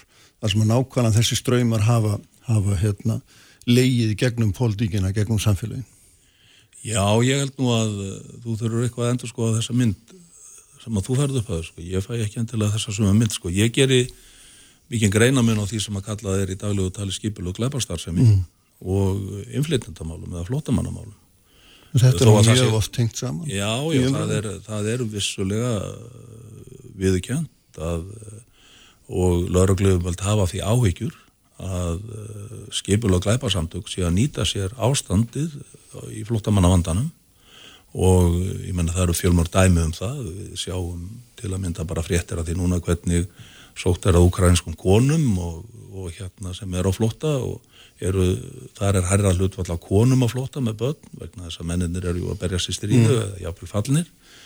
Og hérna uh, uh, þannig að sko það, það er tenging yfir þetta, það, það er uh, raukstut og grunur um, um uh, ákveðna fjármögnun og ákveð, ákveðna tengingu við skipulaða glæpastar sem er inn í flótamannavandan uh, glæpamennar er að nýta sér veika stöðu þessa fólks og það er nú kannski það sem við þurfum líka að huga hvernig vendum við þetta fólk að mm. slíkri starfsemi sem er, oft á tíðum er það bara fórnalömb og þó það sé um leið á einhverju þáttakandur í glæparstarfsemi en, en svo horfi ég á þess skipilöðu glæparstarfsemi meira sem að er tengist á eitulifja málum, jú, vissulega vændi og mannsali og fyrst og fremst kannski peningafætti að, að því allt snýst þetta um fjármagn Mhm. og eh, staðan hjá okkur er mjög alvarleg í þeim efnum og hún er bara mjög alvarleg svo við gerum okkur grein fyrir því og, eh, og hérna Uh, við höfum ábyrtinga frá ælendu lörgluföldum um það að, að hérna, hinga líki ströymur í, sem að tengi skripur að gleparstarfsemi, vatni leitar jú þeirra leiða sem að auðveldast að fara. Og við þessu erum við að bregðast fyrst og fremst í þessu ábrótavarna frumvarpi sem ég kalla. Við erum eiginlega að koma okkar lörgluföldum svolítið á þann stað að geta tekið mót upplýsingum, unni með upplýsingar frá öðru lörgluföldum og veitum upplýsingar. Við erum með mjög takmarkaða lögjöf þegar að kemur að þessum samskiptum á þessu sviði og þarna þurfum við að stíga fast í jarðar, við þurfum að taka þessu alvarlega. Og þegar að tala um að þetta sé sko allt saman einhver hræðslu áróður og það sé verið að nýta sér stöðun og eitthvað svona, ég, ég segi bara sko er, við verðum að segja fólki í landinu sannleikan í þessum málum Mm -hmm. og það er ekkert annað sem ég er að gera. Ég er bara að draga hér upp staðrindir sem að liggja fyrir Við Þú ert að- líka að við draga upp einhverjar hugmyndir, ekki bara staðrindir, þú hefur einhverja hugmyndafræði. mínar hugmyndir um, um það hvernig við hefum að stíga niður Þú hefur einhverja afstöðu sem máli og það er alveg augljóst. já, sjálfsögðu Já. Ég meina, ég þú er ert dóm- líka að draga það ég- fram, ég þetta er ekki bara dómsmála- staðrind- ég er Já, já. landsins sko. ég ber ábyrð á öryggi borgarana í þessu landi Já. og ég Og þú telur því sem þetta verið ógnað und- og fellir þetta allt undir það, hvernig heila... já, já, ég felli skipulag glæpastar sem er sjálfsögðu undir Nei, það. ég er nú að tala um all þessi, alla þennan kjarnar sem er búin að vera að ræða við í hérna, fjölgunni innflyðenda skipulega glæpastar sem þetta er þetta mynd sem við höfum séð svo víða, Ég sko, er mér, dreginu. mér finnst þú er að, að tengja þetta allt og mikið saman sko. Mm -hmm. flóttamannavandin er ákveði vandamál það snertir á því hvernig við erum í stakk búin til að taka á móti þessu mikla fjölda og hvernig við ætlum að setja okkur á sama stað eða nálagti á sama stað að vinna í, því kerfi uh, með sambarilegum hætti og aðrar þjóðir í Evrópu. En, já, Það, það, það er markmið okkar í já, flóttamann. skil það alveg, en Já. þú getur samt ekki hafnað því að til dæmis lögreglan hefur í mörg ár og margir aðrir, þeir sem eru hérna, áhuga mennum um löggæslu mál, rætt það hvernig innflytenda hópar tengja skipulari glæpastarsemi. Það er þessi tenging sem ég er að varpa fram við þig og spurja hvort þú sért að íta undir til þess að ná fram auknum heimildum fyrir lögreglu og loka landamærum frekar. Nei, nei, Nei. ég er bara alls ekkert að tengja það saman. Nei. Það er áttur á móti staðrind að lögregluföld hér á landi, lögregluföld í Evrópu, Europol, vara við ákveðni tengingu skipulaðara klæpastar sem í, í tengslu við innflytjandamál. Og það er misnótkun á fólki og það er mannsal í gangi sem að tengist innflytjandamál. Það er mjög mikilvægt þess vegna að við grípum vel utan að það fólk sem hingað er að koma til að það verði ekki fórnalömb, frekari fórnalömb á þessu sviði. Skipulag græpast það sem er miklu viðtakara og í raun, mig og, og í raun og veru kannski það sem við þurfum fyrst og fremst að beina sjónum okkar í, til þess að vinna bug á skipulagri glæpastarsemi er með sérhæðar ansóknastarsemi sem að snýra að peningaleðun sem er í kringum þetta. Það meiðir skipulaga glæpastarsemi að við komast inn í peningaleðunar. Þú varst hér á fyrir þættinum í dag með fulltrúa frá S.A.A. Já, já. og hún var að segja okkur það að sko, stríðið við dópið væri eh, eiginlega tapað og við þurfum að bregðast við því. þannig að það sem hún er að segja okkur þetta, og er að segja okkur sem að erum, að erum að vinna þá á þessum málum já, við erum kannski ekki alltaf að elda einhver kíló, við erum að fara að elda upphæðir og það er það sem að þessi skipulaða brotastar sem og, og stríði gagvart því á að snúast um. Og til þess þurfum við að ebla mjög laurugluna á því sviði og uh, við þurfum að auka möguleika þeirra á upplýsingaöflun.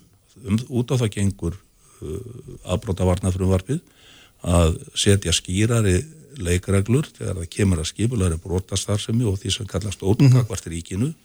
Síðan eru þetta tengingar við fjölmarkar sko samfélagslegar aðstæður, ég menna við erum að horfa á það að það verða að fætta hér peninga í gegnum uh, bara fyrirtæki sem eru með almennum rekstri fjölbreyttum yðnaði á Íslandi. Og það er þetta sem við þurfum að komast inn í á þeim vettum. En myndur þú myndur hafna því algjörlega að, að, að, að það væri hægt að setja einhver tengsla, einhver tengingu þarna á milli innflytjandamáluna annars vegar og þessa, þessara skipulega gleipastar sem er þinni hálfu. Það er engin, Já, það er hugmynd, bara- það er engin hugmynd að þinni hálfu um að tengja þetta saman til þess að þrengja möguleika fólks á að koma til Íslands og ég spyrji þið bara reynd nei, og nei, nei, nei, ég er ekkit að því, ég bara er fyrst og fremst að horfa til þessi innflyndandamálum að við séum með svipaða lögju við séum ekki með segla hér umfram það sem er hjá öðrum þjóðum þannig að hinga streymi hlutvarslega miklu fleira fólk heldur en til annara landa það verður ítviðráðanlegt hjá okkur. Er bolti sem að mun bara eh, sko bæta utan á sig og stakka og stakka og vandamáli verður erfiðar og erfiðara fyrir samfélagið að takast á við. Vegna þess að við höfum líka skildur um það hvernig við tökum á móti þessu fólki hvað aðstæður við búum því hvernig við komum börnum inn í skólakerfi, inn í leikskólakerfi og hvernig við komum fólki inn á vinnumarkað og hvernig við komum fólki í íslensku kjærslu það eru mjög margar áskoranir sem þetta fámenna samfélag þarf að takast á við staðan þegar það kemur að málefnum innflytjum Staða núna þínum að þið er okkur á viða. Já, ég hef talað um þetta sem ákveði stjórnleysi og Fórsettisráðurinn hefur aldrei sett ofan í þið við það- nei, nei, en við Kat- ekki neita því. Akkurat, nei, nei, við uh, eigum Þið eruð ekki sammála um þetta. Nei, sko, og það er ekki verið að neina fréttir að við kata Nei, ekki sammála sko, um einhverja hluti nei, nei, nei, ég er séum ekki að segja að séu fréttir, en þetta- er samt ekki- má ekki gleyma þessu. Þið sinni en saman í ríkisstjórn. En við Katrín eigum mjög málefnulegt Mm. og gott samtal og við tölum mjög reglulega saman og það er bara mjög gott á mill okkar en við erum að sjálfsögðu oft í grundvallar atriðum svolítið ósamála það liggur nú alltaf fyrir í politíkinni en uh, aðalatrið er það að við erum að reyna að vinna því saman að, að finna málamiðlanir á því sem við getum náð sameilegri niðurstöðum og mér finnst það bara ganga ágætlega. En sko, hérna bara rétt í lókin að því ég var að tala yfir Eiríkum hérna Svíþjóð og þú sást nú úrslutin í Svíþjóð og þar voru þar var megin strömmin í kostningabortin en það snýrist allir um þetta.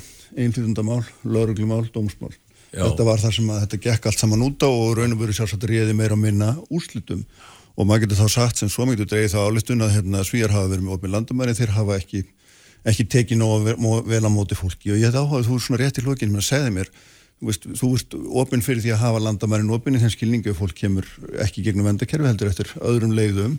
En við þurfum samt sem áður er það ekki alltaf að vera með gott móttökukerfi hvernig sérðu fyrir þér svona með jákvæðum hætti að taka á móti fólki vegna að nú er bara ströymur af fólki um allan heim og því verður ekkit breytt Ég held að það sem þú ávarpar hérna og Eiríku var að tala um sko varandi hvern, hvað kostningar eru hornar að snúast um í nákvæmlandum mm. og rendar alveg söður um Evróp Já, já, sjáum hvað, hvernig niðurstöðnu voru í Ítalíu sko.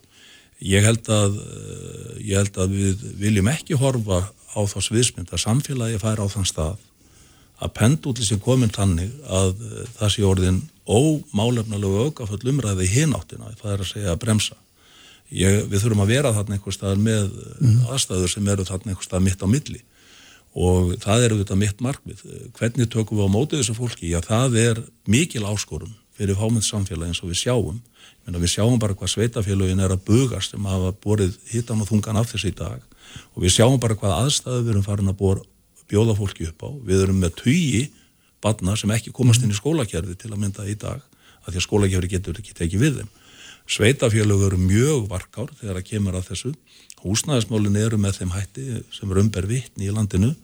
Þannig að þetta eru miklar félagslegar áskoranir sem við stöndum fram með fyrir. og þá spyr ég þið bara reynd út hvernig ná að mæta þeim Já, ef þú ert að semra við ráðum ekki við þetta en Já. hvað gerum við Já, þá? ég er að- Lokum við eða þurfum við að það- gera eitthvað það- annað? Já, það er það sem að ég er að reyna að gera með þessum breytingum. Það er að reyna að stemma stigu við því að eh, hingað sé að koma hlutvarslega miklu herra uh, herra hlutvall heldur en til annara landa mm. við séum og ég hef trú á því að það muni þá jafna þetta álag út að við grípum þar til aðgerða við getum til dæmis hort á það hvað er að koma til okkar að fólki frá Venezuela ég menna það er eitthvað mjög óeðlegt í gangi þegar að hingað er að koma sko hausatala miklu herrin til Európu mm. uh, eða það er að setja margra landa í Európu, spánverjar reyndar eru náttúrulega að bera höfuð og herðar yfir aðra þjóðir í þeim efnum.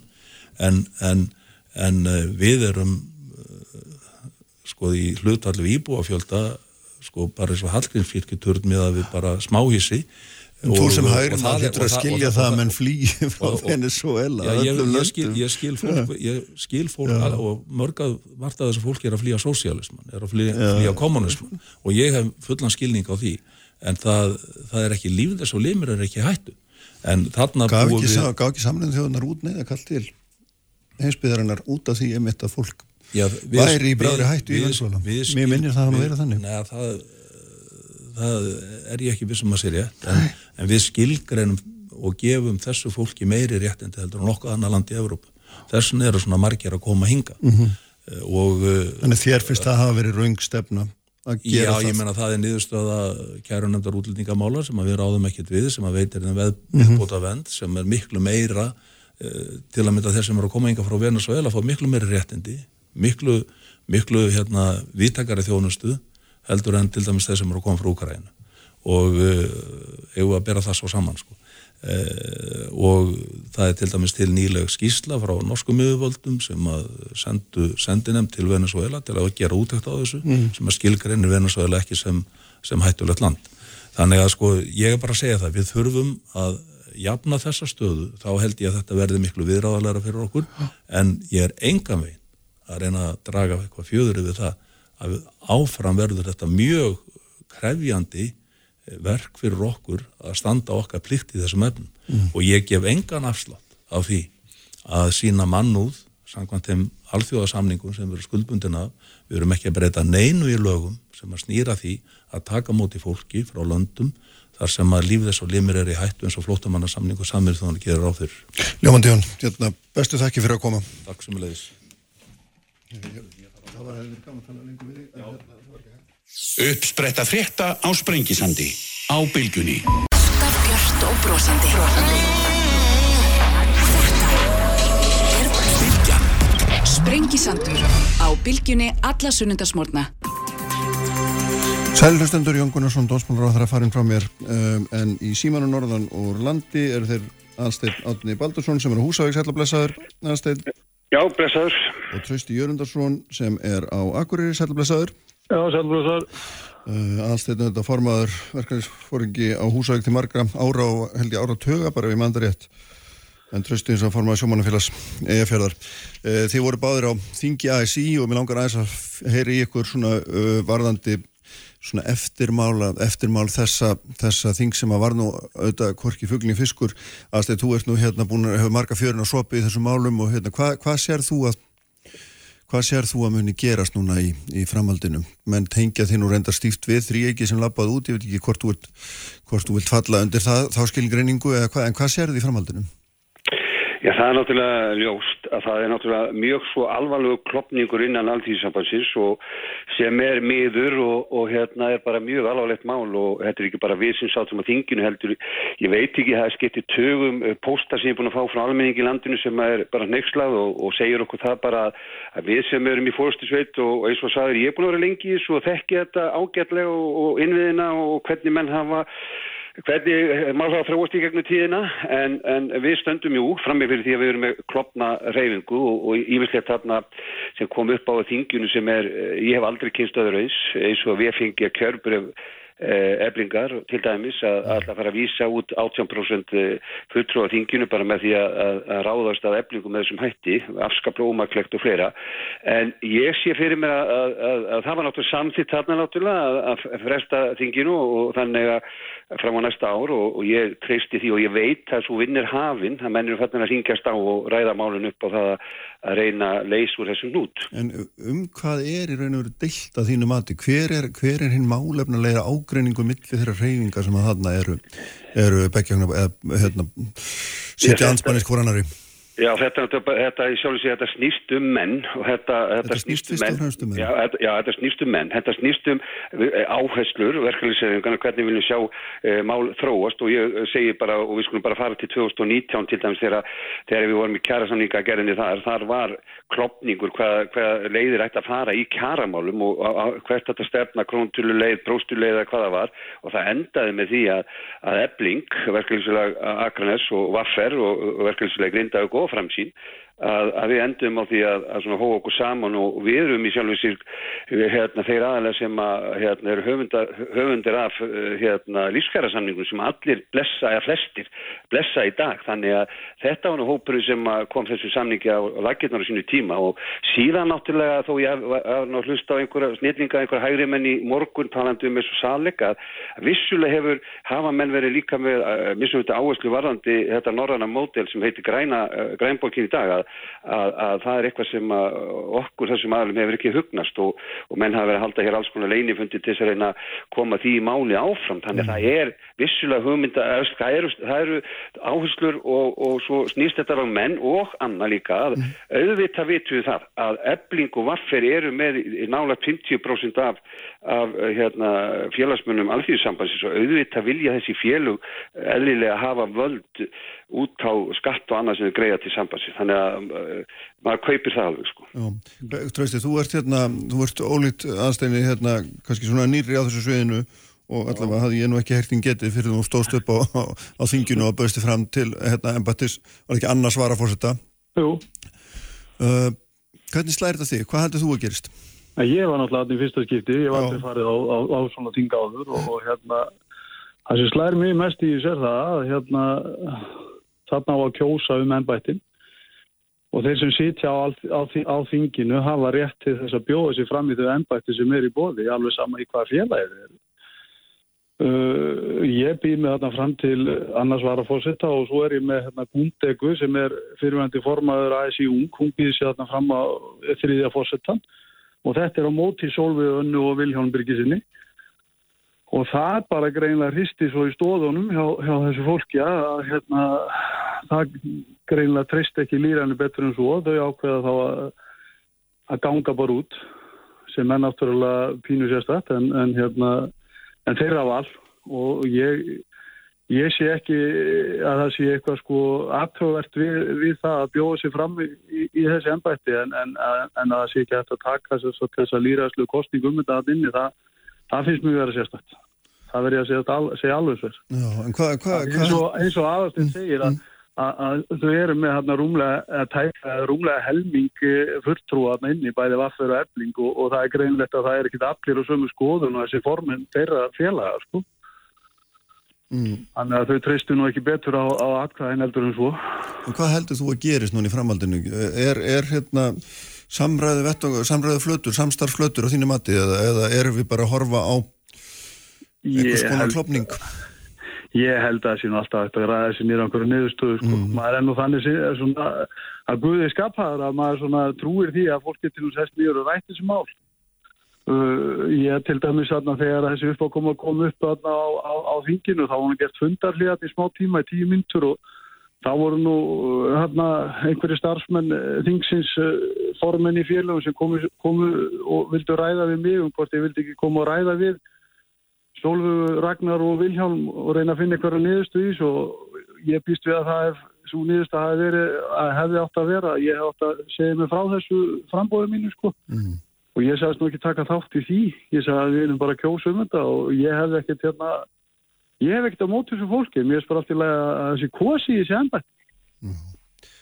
og ég held að já. þau eru búin að gera fullt að góða hlutum þetta fólk sko Já Hvað, hérna aðstæð, sko, þú veist, þetta veldi marði fyrir sér, sko, hvort að ASI sé yfirleitt starfhæft sem heldarsamtök í ljósi þessa, þessa ágringi sem er svo augli og svo kristallæðis náttúrulega á þessu þingi, uh, hérna, og, Og já, hvað heldur þú um það? Já, sko, þú e, já, eins Og ég hef skiptir það sagt. kannski einhver máli eða hvað? Jú, jú, sko, það er það sem ég get alveg sagt til það, sko, Alþýðsambandi Íslands er stopnað 1916 og Alþýðsambandi hefur í gegnum tíðina verið mikið og öflut hérna uh, tæki, afl fyrir íslenska verkefliðsegingu og fyrir ansi breiðan hóp því að í dag eru kringum 130.000 manns í þessu innan ASI.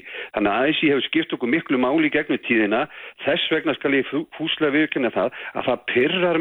alltaf þegar menn fara að tala um úrsagn, uh, úrsagnir úr Alþýðsambandinu og reynda þar tveir þriðju félagsmanna í viðkundi félaga samþykja það. En mér finnst þetta svo barnalegt og heimskulegt vegna þess að Alþýðsambandi er náttúrulega eins og með, ef maður lesa bara söguna þá, þá eru þeir, þeir aðalega sem hafa komið að ýmsum hérna málum með varða stjórnvöld, uh, Evrópusamþykti sem við þurfum að innlega og annað og, og nú síðast þetta glórulösa frumvarp sem hægri menn á sjálfstæðismenn inn á þingjurum með var þetta félagafrelsi og annað að auðvitað er þetta alþýðisambandi stert og um að halda utanum það og ég hef, vildi óska þess að menn hættu að, að töða um það endalust að, að hóta því að segja sér úr alþýðisambandinu Það að er jafnvel náttúrulega fara. fyrst og fremst verið Vaffer er það ekki sem hefur, eða Ragnar hefur Nei, nei, það, það eru fleiri og það eru sjómannafélug sem fóru bara út og, og til dæmis tvö, ég meina allavega tvö. Ok. og, og fleiri sjómannafélug hafa jafnvel hótað þessu. En talandi aðeins líka um Ekkert svona að-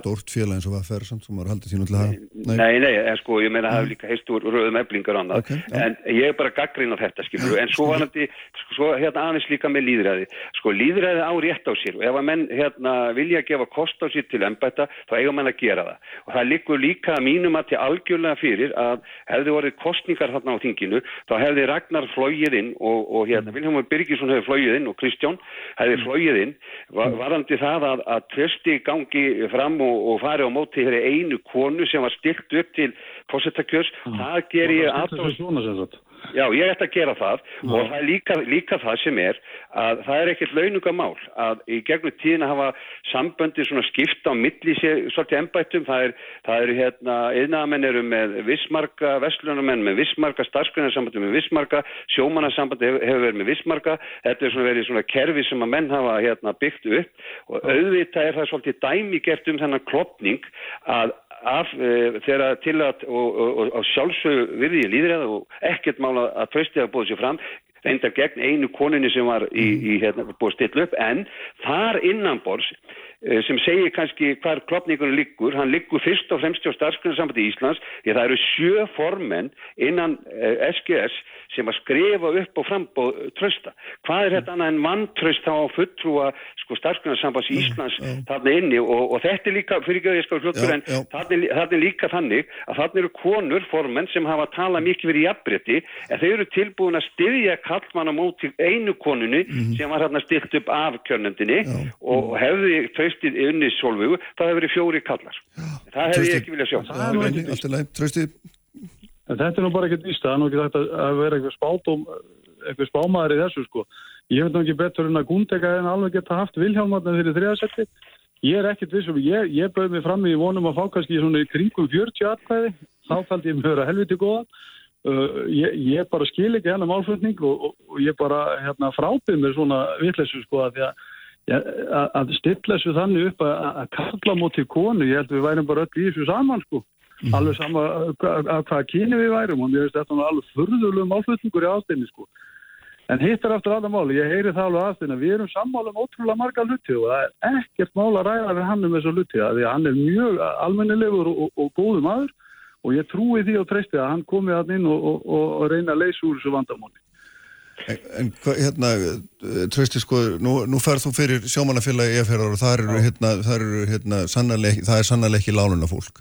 Það getur við nú held ég alveg verið sammálu um og, og maður sér það að, hérna, og það er auðvitað hluti að þessum svona, hluti að þessum ágreiningi eða þessum átaka línum sem að myndast. Það eru auðvitað milli þeirra sem eru innan alþjóðsambandsins sem eru annars vegar með mjög góðar tekjur sem eru til dæmis þínur umbjóðandur og svo auðvitað láluna fólk sem aðstætt representerar er auðvitað í fórsvari fyrir láluna fólk og Solveig annar náttúrulega sérstaklega láluna konur hérna. Aðstæðin er, er líka með sjóminni sínu félagi sko. Já, ok, en, en allt í góðu, en, en þetta er okkur, ég meina, finnst þér, er, er þetta svona, er þetta samband sem heildarsamtök, hérna, jafn gott fyrir alla? Gengur þetta þessi blanda upp? Já, mínum að þið hefur hann alltaf gert það og, og, og kemur til með að gera það en, en sko, ég kannski er að koma nýr inn í þetta, er búin að vera í þessi tæp fjögur ár og, og, mér hefur nú allþví samband ekki mér er ekki þótt þeir tala kannski máli sjóman al- alveg nógu vel og, og, og þar leðandi svo, svona þegar að tækið væri gæst og treði mig fram sko til þess að ræða mál sjómana. Uh, ég get alveg tala máli allra sem er á vinnumarkaði ef ég er, er kjörinn að minn sem hérna, annar varfúst til ASI. Uh, þá er ég náttúrulega ekki að tala fyrir hönd sjómanfélags EFR, heldur fyrir alltíðu sambandi í heilsinni. Þetta er náttúrulega tveir uh, mismunandi hattar sem maður þarf að fá að geta borið og ég tel mig alveg vera hæfan til þess. Og en, en mér, mér bara finnst skrítið að þessu sé stilt upp svona í ykkur svona kona múti kalli og svona sko. Já. Það er það sem mér finnst vera sérstætt í þessu. En hérna aðstætt, sko, þú komst að vinna mjög áhugaverðan hlut sem er þetta klopningurinn í starfsgrunnarsambandinu sem er nú eitt af þessum stærstu félögum, það er auðvitað vaffur annars vegar ebling og ebling er í starfsgrunnarsambandinu þess að starfsgrunnarsambandi sem heild er náttúrulega stærsta aðeldafélagið að ASI ég kann, kann þetta allt saman rétt og það er náttúrulega mjög merkilegt þegar að formaður ykkar stendur upp og fer að fundi þar sem að, að hérna, mjög mörg félög innan starfsgrunarsambandsins sitja sem fastast og eru greinlega allt annar skoðunar heldur en hann. Ég, sko, það er, það er, sko, við getum haldið þessu áframskilur varandi líka varandi Vilhelm Byrgjusson sem er formað starfskanarsambansins og var kosin í líðræðsleiri kostningu hann fær, eh, það eru þarna aðalega sem að skrifa upp formen innan SG sem skrifa upp á frambóð gegn honum og, og þetta er eitthvað sem maður hefur ekkert séð áður í hreyfingunni að, að menn sé að fara gegn sínu veginn forman og halda þessum, þessum eh, leik áfram eins og ég kalla. Þannig að, þannig að auðvitað ég fór ekkert út vegna þess að ég er maður sátta og ég hef og vegna að ég veit að alþýðisambandi skiptur okkur svo miklu máli og, og, og, og, og það er mér kæft og við erum með frábæra starfsmenn gó- hérna, sem að þa- þarna er og ég stóð upp á þinginu og, og fór yfir þetta með, á þessu nótum og, og bæði til hvernig ég segi þetta fyrir mér framtíðinavandi ASI og, og varandi starfsmannhaldi okkar, það stóð allir upp á klöppu og trösti getur alveg staðfesta það, það voru allir sem stóðu sjálfur, þannig að... Já, þannig að að veist að ég veit að við tröstum alveg saman og mér finnst ekki alltaf skipta máli, ég bara geri það ekki hvort þú ert, kemur frá einhverju félagi þar þú ert bara með hátekjumenn eða eh, félagi sem ég er í með blandafélagi, ég er með sjómenn, eh, verkafólk, eh, fólk í innaði og, og vestlun og skrifstofólk, þannig að ég er með alla þessa flóru en ég lít, með, ég lít á mig sem talsmann allra og ég veit að, að trösti lítur á sig sem talsmann allra þó að hans komu úr þessari stjett sjómanna sem hafa oft haft góð kjörin, margir sjómenn er á lélugum kjörum og, og, og með óöryggi í, í varandi pláss, þannig að Það, það er nefnilega málið í þessu sko. Það, er ekkit, það sýti ekki allir í sama borð sko þegar þeir eru sjómenn sko. Það er ekki allir sjómenn sem eru eh, hérna hálunamenn sko. Það er margir sem eru á kauptryggingu sem er 326.780 krónur á mánuði þegar, þegar að lítið fiskast. Já, Og er það þá að gera lálaun? það er allavega mjög stórti hljómar ekki, hljómar ekki öðruvísi. Það er lámaslaunum í landinu, svo það sé sagt. Já, já, hérna eitt sko áður en við, við ljúkum þessu, það er sko, núna erum við, núna erum við að fara að semja og þeir þurfum báður að ná að svara þessu og réttæpum hérna einna hálfur mínútu, sko nú að fara að semja, minna og, og hluti af samningum er alltaf það að- að ASI kemur að borðinu með SA og, og ríkistjórninni og það verður, þetta er svona líkur kjara samninguna, þeir lokast þar. Minna, nú er ASI eins og það er, hver ætlar að tala við við samtökatunlýfsins og ríkistjórnina í lokum eins og mál standa núna? Það lítur að vera, eh, það lítur að vera í höndum starfandi fórsetæðis í á Kristján Þórður, lítur að sjá um það. En hefur hann umbútt til þessi reynd? Já, það eftir að koma í ljós, það var alltaf ekki verið haldin eitt minnstjórnafundu síðan að, síðan að þingi lauk, eða þinginu var fresta.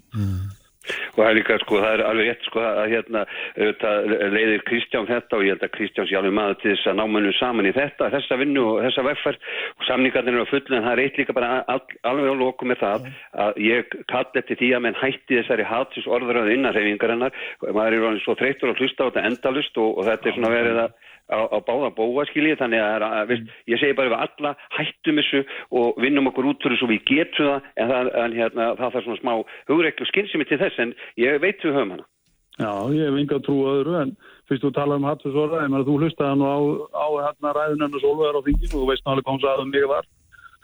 Þannig að þú veist, þetta, þetta, þetta er náttúrulega ekki eðlilegt að fara alltaf bara í beint í mannin í staðin fyrir málefnin, en, en þetta verður bara að laga og ég er alveg sammála að steinum með það. Já, herrðu, gott er, við endum á þessum jákvæðanótum og hérna þið tengið ykkur saman hérna yfir, yfir valaheina og, og hérna og, og bjargið þessu.